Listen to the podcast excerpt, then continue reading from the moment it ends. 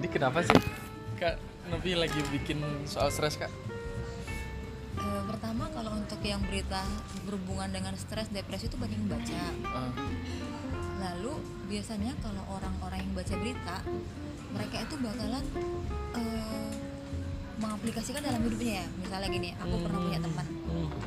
dia itu aku tanya kenapa sih kamu minum obat itu malam-malam? Aku tanya begitu kan. Eh Hmm. kenapa tidak mau minum obat malam? Iya. gitu kan terus dia bilang begini dari berita yang saya baca oh dia pakai referensi dia pakai gitu ya? referensi berita. Jadi saya sebagai wartawan ini eh, merasa berdosa ketika saya salah menulis berita atau salah mengutip sumber. Karena pasti pembaca itu bakalan mempraktekkan apa yang dibacakannya dalam kehidupan sehari-hari mereka. Jadi oh makanya kalau termasuk untuk stres untuk yang ber, ber apa istilahnya yang soal-soal psikologi itu kakak suka Ah, lebih jadi- serius lah bikinnya gitu Nah jadi kalau untuk yang berita psikologis ini, aku nih buatnya serius kenapa? Karena ini eh, kita tinggalnya di kota besar dan itu cukup dekat dengan yang namanya stres. Stres, Tapi betul, stres itu betul. nggak disadarin. Karena Betul, kita betul. nganggap stres itu eh, tunggu muncul gejala fisik, misalnya tunggu muncul sakit mah, tunggu muncul pusing. Nah itu adalah ciri-ciri orang udah stres berat. Biasa begitu. Oh. Tapi nggak sadarin karena yang namanya sakit psikologis itu nggak kelihatan betul tapi beda sakit psikologis dengan sakit yang fisik. Jadi eh, ketika sakit psikologis itu ada tapi kita nggak sadar dia itu bakalan berdampak ke sakit fisik. Oh gitu. Itu kak sebetulnya nah aku kan pernah sering sering dengar dengar misalnya orang yang stres itu sebenarnya orang yang nggak mengaku dia stres. Jadi misalnya aku tanya kakak kak aku lagi stres. Enggak sebelum aku stres. Betul kayak gitu. Itu salah satu ciri stres. Atau sebetulnya cuman ini aja Nah. anek anek anekdot anekdot ya. Kalau untuk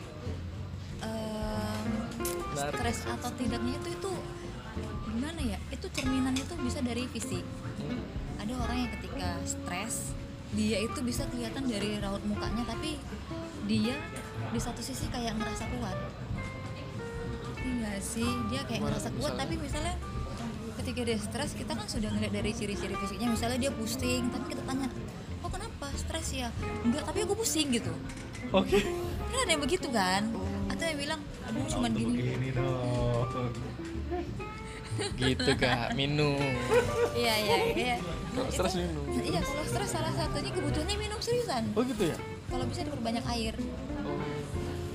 Itu sih kata ahli ahli yang saya tanya. Ya, Kak, itu kan kakak masih nulis kan? Nah, Em, ada gejala nggak? Orang tadi udah agak jawab ya gejala-gejala stres itu ya? Oh ada gejalanya. Ah. pertama gejalanya itu kayak kalau orang yang ada asam lambung asam lambungnya naik. Oh, atau orang masuk. itu salah satu gejala stres yang tanpa disadarin. Orang pusing. Terus terus kadang orang kalau dia stres itu ada yang kayak sesak dia sesak paling kayak bernapas itu kayak susah tapi dia berat ya gitu ya berat tapi dia kayak nggak sadar kalau itu salah satu ciri-ciri stres Ih, gila, gila, gila. Aku nih baru tahu nih. Aku soalnya pernah beberapa kali pernah gitu kok nggak enak. Kita nggak gitu ya. sadar kalau Iya, itu stres. enak.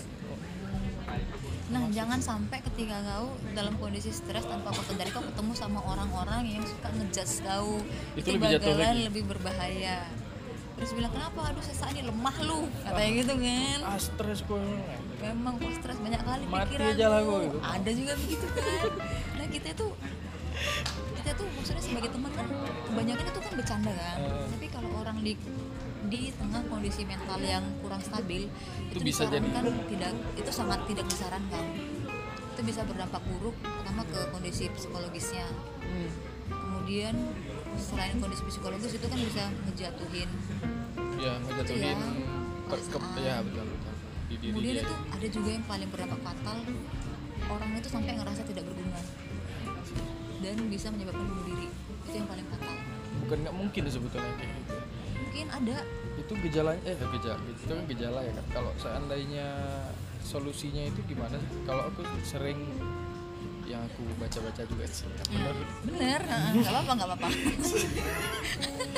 aku kasih pendapat sama orang yang lagi nulis soal soal stres. tapi eh, salah satu penyembuhannya itu kayak apa ya sederhananya tuh melupakan meng, apa istilah me- se- sejenak menjauh dari rutinitas itu termasuk salah satunya. Atau sebenarnya ada yang lebih spesifik nah jadi gini stres itu kan merupakan energi ya yang ada di dalam tapi tidak terlampiaskan kan. Terus? Bener nggak? Betul. kamu ingat nggak hukum kekekalan energi? Nah, energi itu hanya bisa dipindahkan tapi tidak bisa dihilangkan hanya bisa dipindahkan tapi hanya bisa dipindahkan Oke. tapi tidak bisa dihilangkan. Hmm. jadi misalnya nih kayak ini nih aku punya kekuatan di sini. Terus eh, ketika aku punya kekuatan di tangan aku aku kan bisa mengangkat kan? Berarti kan eh, energi aku aku pindahkan kan dari satu Betul. dari satu sini ke sini kan? Oke dari sini kan? Oke pindah kan?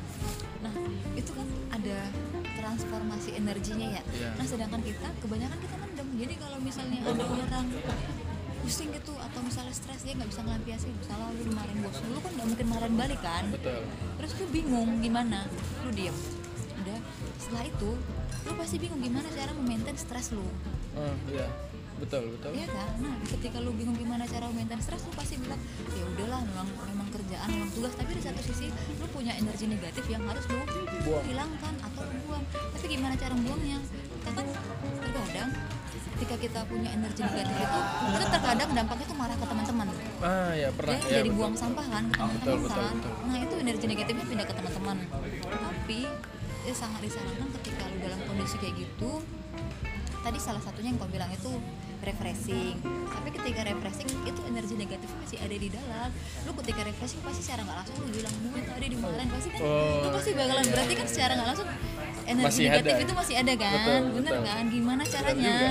Berarti harus mentransformasi energi Caranya gimana, Kak? caranya nanti di sesi berikutnya Pantan gue bilang rekam gitu. Oke itu ya. Nanti kakak janji itu sama aku tuh. boleh Nanti kita ngobrol lagi sama Kak Nopi. aku tuh eh, belajar untuk transformasi energi negatif menjadi energi positif itu butuh waktu karena kayak butuh butuh pelepasan butuh keikhlasan butuh rasa bersyukur gitu Oke gitu ya. iya nanti di sesi berikutnya ya Makasih loh Kak. Udah.